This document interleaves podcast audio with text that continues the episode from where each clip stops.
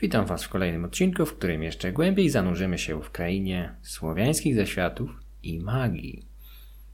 Dowiemy się, dlaczego warto było dotrzymywać przysiąg i co czekało na zuchwalców skłonnych je łamać. Poznamy Boga sprawującego pieczę nad wszystkimi skarbami zaświatów, który mógł jednocześnie pomóc we wdrapaniu się na szczyt wczesnośredniowiecznej listy Forbesa. Czuwał nad zmarłymi, ale jednocześnie miał dużo do powiedzenia w temacie płodności, urodzaju i życia po prostu. Przed państwem Weles, zwany gdzieniegdzie Wołosem, prawdziwy Bóg renesansu, a to pierwszy z serii poświęconych mu odcinków. Materiał powstał głównie w oparciu o trzy pozycje. Mitologię Słowian Aleksandra Gejsztora, Słowiańskie zaświaty Pawła Szczepanika oraz mało u nas znaną, ale najbardziej wyczerpującą ten temat książkę Borysa Uspieńskiego pod tytułem Kult świętego Mikołaja na Rusi. Zawsze staram się kupować książki w wersji papierowej, a w przypadku dzieła Uspieńskiego nie było to łatwe, gdyż jedyne polskie wydanie pochodzi z 1985 roku i jest w tej chwili białym krukiem. Jako, że dłuższy czas polowałem na tę pozycję, odcinek o Welesie niemocno się opóźnił i pojawił dopiero po tym opowiadającym o Nyi. Sam tytuł książki rosyjskiego filologa, semiotyka i mitografa jest mylący, gdyż tematem przewodnim nie jest tylko kult świętego Mikołaja, lecz bardziej charakterystyka kultu Welesa i dowody na jego przetrwanie w postaci tego właśnie chrześcijańskiego świętego – Temat jest tak rozbudowany, że o samych powiązaniach patrona Mikołajek z pogańskim Welesem można spokojnie stworzyć osobny odcinek, a może nawet i kilka. Co zresztą mam również w planach. Wróćmy jednak do meritum, czyli naszego dzisiejszego bohatera. Aleksander Kiejsztor określił Welesa wypadkiem prawdziwie trudnym. Pomimo, że istnienie wiary w to bóstwo jest niepodważalne i zachowało się do naszych czasów w licznych przekazach, powiedzeniach oraz zwyczajach szeroki zakres jego kompetencji zdawał się przytłaczać badaczy. Weles, zwany również Wołosem, bywał łączony z, m.in. z zaświatami, magią, urodzajem, płodnością, przysięgami, bogactwem i bydłem. Na Rusi był Bogiem od wszystkiego, w czym następnie zastąpił go wspomniany wcześniej już święty Mikołaj. Z Welesem mamy najczęściej, najczęściej do czynienia w relacjach pochodzących z Rusi, gdzie pojawia się już w 907 roku, kiedy to książę kijowski Oleg wraz ze swoją drużyną miał zaklinać traktat pokojowy z bizantyjskimi Grekami na swój oręż oraz na Peruna i Wołosa, boga bydła. Wygląda na to, że strona ruska przysięgała na obu bogów równocześnie bez faworyzowania żadnego z nich. Podobne traktaty z Konstantynopolem zawierano w 944 i 971 roku. W obu wypadkach Ruś ponownie przysięgała albo na samego Peruna, albo na obu bogów jednocześnie. W ostatnim traktacie dowiadujemy się, że na Peruna przysięgała tylko drużyna książęca, zaś na Welesa kleła się wszystka Ruś. Stawia nas to przed ciekawą sytuacją, która może potwierdzać skandynawskie pochodzenie pierwszych władców Rusi oraz ich najbliższych drużynników. Obecnie większość naukowców skłania się ku teorii mówiącej, że Ruś założyli przybysze ze Skandynawii, konkretnie z terenów dzisiejszej Szwecji, którzy mogli pod przywództwem półlegendarnego Ruryka oraz jego braci dać początek państwu ruskiemu.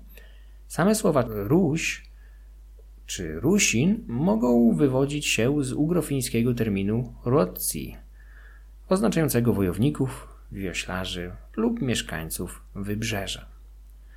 Finowie do dzisiaj mówią w ten sposób, czyli ruotzi, na mieszkańców Szwecji, którzy to najprawdopodobniej we wczesnym średniowieczu skolonizowali do rzecza najważniejszych rzek dzisiejszej Rosji, Ukrainy i Białorusi, wiosłując w swoich lekkich, zwinnych łodziach, którymi docierali aż do Konstantynopola i świata arabskiego. Wcześniej wspomniany przeze mnie ruski władyka Oleg w rzeczywistości mógł zwać się Helge. Imię takie przewija się w źródłach bizantyjskich mówiących o relacjach z Rusinami. Dla osób zainteresowanych tematem narodzin Rusi polecam świetną książkę Ruś Wikingów Władysława Duczko. Od dawna uważa się, że słowiański Perun dalece przypomina skandynawskiego Tora. Stąd nordyccy drużynnicy ruskich książąt mogli chętnie składać przysięgi na tego właśnie Boga. podczas gdy słowiańscy wojowie oraz pozostali klęli się na Welesa, ruskiego boga, jak nazywają go niektóre źródła. Przysięgi składane przez średniowiecznych wojów były obarczone czymś, co nazwalibyśmy dzisiaj karą umowną. To znaczy, w przypadku ich niedotrzymania na delikwenta spaść miały ciężkie nieszczęścia. Według powieści minionych lat mnicha Nestora, kto by złamał przysięgę złożoną Perunowi, miałby nie obronić się własną tarczą i zostać rozsieczonym własnym mieczem, strzałami i innym orężem swoim. Weles karał w inny sposób, dosłownie wyzłacając krzywo przysięzcę. Na pierwszy rzut oka może się to wydawać pozbawione sensu, jednak głębsza analiza dowodzi, że chodziło tutaj o konkretną chorobę. To jest żółtaczkę wywołaną przez wtórną gruźlicę skóry. Polski etnograf Kazimierz Moszyński jeszcze w XX wieku identyfikował tę chorobę w ludowym folklorze jako zołotnika. Aleksander Geisztor sugerował rezygnację z gospodarskiego podejścia do kompetencji Welesa w kwestii bydła, zamiast tego sugerując jego głęboki związek ze sferą zobowiązań magicznych. Za przykład może służyć autentyczna historia z 1351 roku, kiedy to na Wołyniu książę litewski Kiejstud zawierał przymierze z królem Węgier Ludwikiem I. Kiejstud kazał przyprowadzić na miejsce przysięgi czerwonego wołu, następnie zaś uwiązać go pomiędzy dwoma słupami. W odpowiednim momencie książę sam cisnął w zwierzę swój kordelas, który błyskawicznie przeciął mu tętnicę. Strona litewska wysmarowała twarze i ręce we krwi wołu, zatwierdzając w ten sposób przysięgę z Węgrami. Staroruski poemat Słowo o wyprawie Igora pod skrzydła Welesa oddaje wieszcza poetę Bojana, nazywając go wprost. Welesowe wnuczę, co może wskazywać na kolejne kompetencje bóstwa. Mecenat, jaki miałby roztaczać nad poetami i jasnowidzami Weles, przybliżałby go do skandynawskiego Odyna. Geisztor zwraca uwagę, że rdzeń wel w językach indoeuropejskich oznacza widzieć. Byłaby to kolejna część układanki, jaką był ten skomplikowany Bóg, do którego być może zwracali się również wieszczkowie. Związki etymologiczne zainspirowały badaczy do połączenia nazwy Wołchw, oznaczającej pogańskiego kapłana z wołosem. Słowiański szaman, wieszczek miałby być sługą tego właśnie Boga. W źródłach ruskich Weles często pojawia się tuż za Perunem, z którym stanowi niemal nierozłączny, lecz dość skonfliktowany tandem. Legenda o chrzcie Włodzimierza Wielkiego wyraźnie mówi o wtrąceniu posągów obu bóstw do Poczajny, dopływu Dniepru, tuż po chrzcie władcy w 988 roku. Posąg Welesa został również zniszczony w Rostowie, gdzie unicestwić miał go święty Awraami Rostowski. Związek Welesa z Perunem jest bardzo charakterystyczny, aż prosi się o rozwinięcie.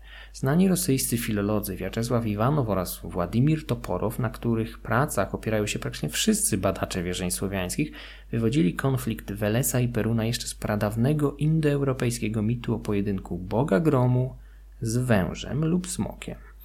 Wśród Słowian wschodnich bóstwa pierwotnie walczyły o posiadanie bydła, którego bogiem był przecież Weles. Spór nie ustał nawet po chrystianizacji, bowiem gromowładny Perun zmienił się w proroka Eliasza bądź świętego Jerzego. Pierwszy był władcą piorunów, drugi zaś pogromcą smoka. Welesa z kolei zastąpił święty Mikołaj, chociaż Borys Uspieński wylicza kilku świętych, którzy również mogli pełnić tę funkcję. Wśród nich święty Błażej, święty Bazylii oraz święci święty Flor i Laur. Mam w planach przynajmniej jeden odcinek o nowych chrześcijańskich twarzach starych bogów, więc nie będę w tej chwili rozwijał tego arcyciekawego i bardzo rozległego tematu. Rozpowszechnienie kultu Welesa, Wołosa można wnioskować z licznych nazw geograficznych, szczególnie miejscowości rzek i gór. Mamy więc Weleśnicę, Wołosacze i Wołosowicze – na Smoleńszczyźnie płynie rzeka Welesa. Na Białorusi moglibyśmy udać się do leśnych uroczysk Wołosina i Wołosacza. W Macedonii Północnej z kolei moglibyśmy zatrzymać się w mieście Wełes. Aleksander Brückner zwraca uwagę na podanie o tatrzańskim smoku Wołoszynie, na którego martwym cielsku wyrosła góra o tej samej nazwie. Smoki i węże zazwyczaj kojarzono z bóstwem odpowiedzialnym za sferę chaosu, magii, dzikiej przyrody i zaświatów.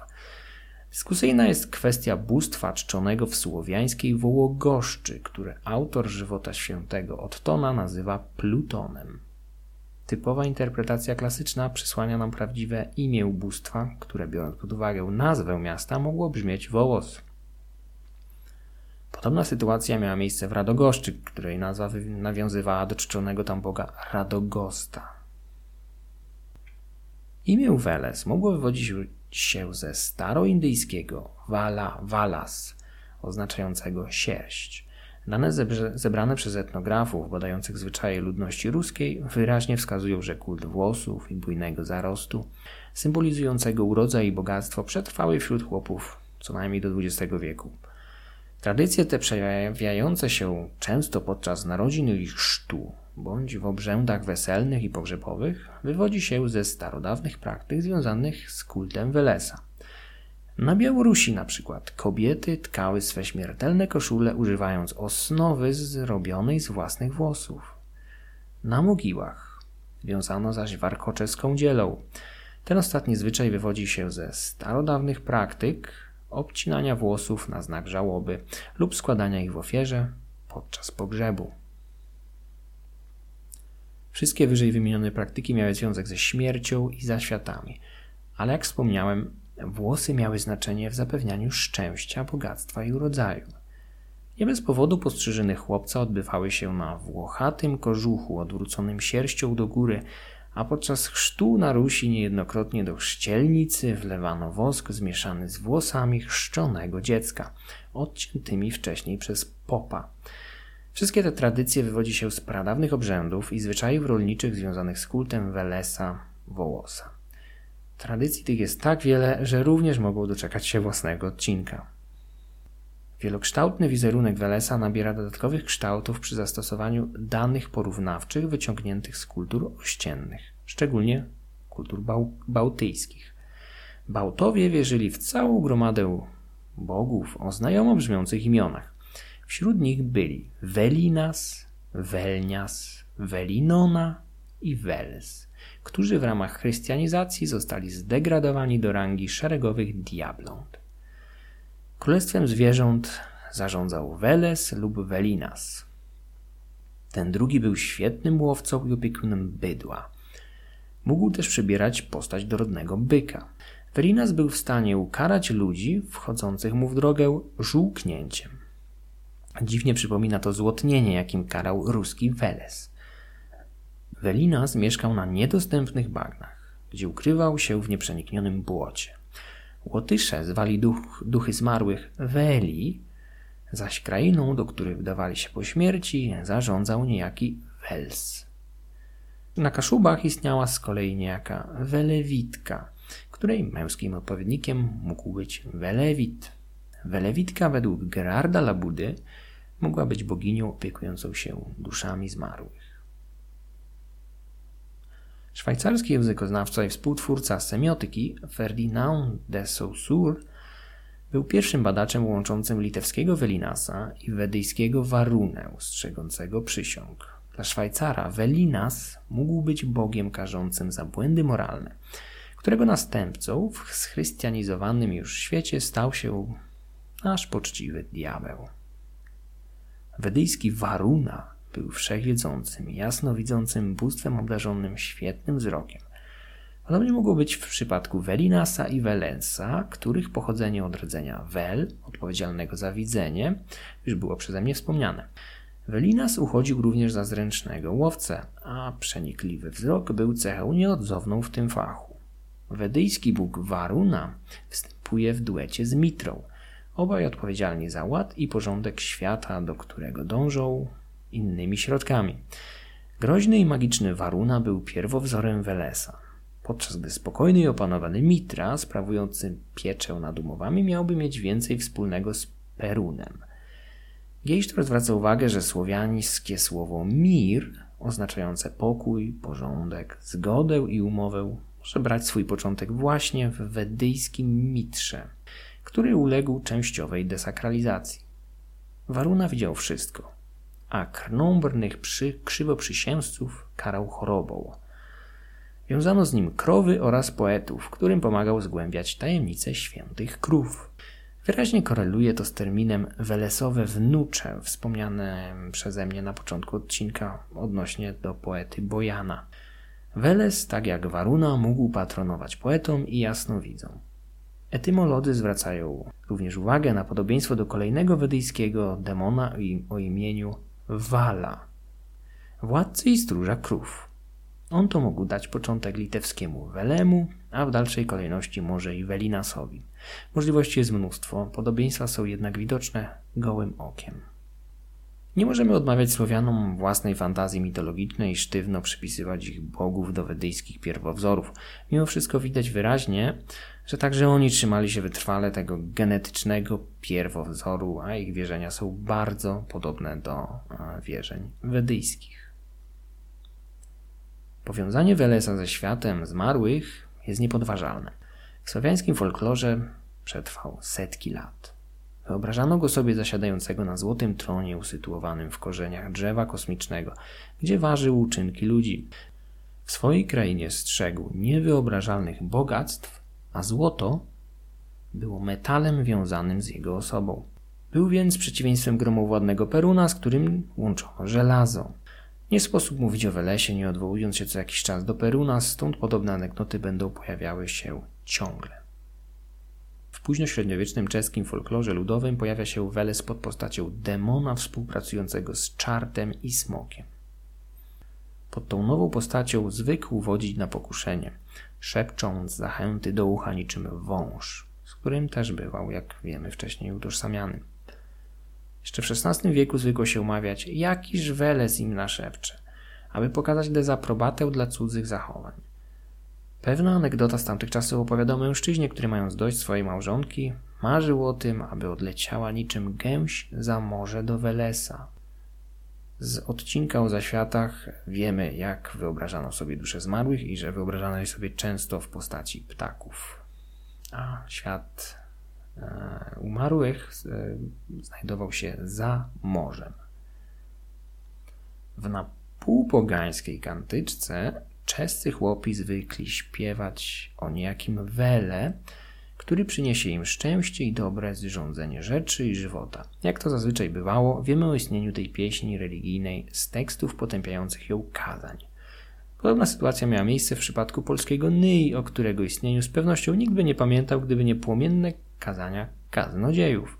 Przypomina to historię antycznych kodeksów majów palonych przez konkwistadorów. Do naszych czasów przetrwało tylko kilka i prawdopodobnie do dzisiaj nikt by ich nie odczytał, gdyby nie pewien szczególnie zawzięty hiszpański zakonnik Diego de Landa, który, aby skuteczniej walczyć z kulturą Indian, studiował ich język, wierzenia i zwyczaje, a następnie opracował podręcznik dla swoich następców.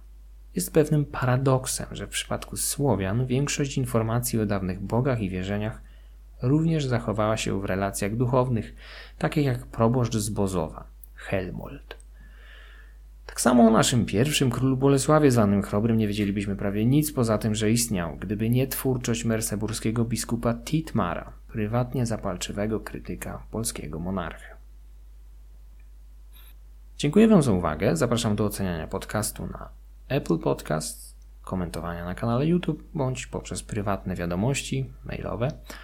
Niedawno założyłem również konto na Patronite, gdzie zapraszam osoby zainteresowane wspieraniem mojej skromnej twórczości. Pozdrawiam wszystkich i dziękuję za zainteresowanie.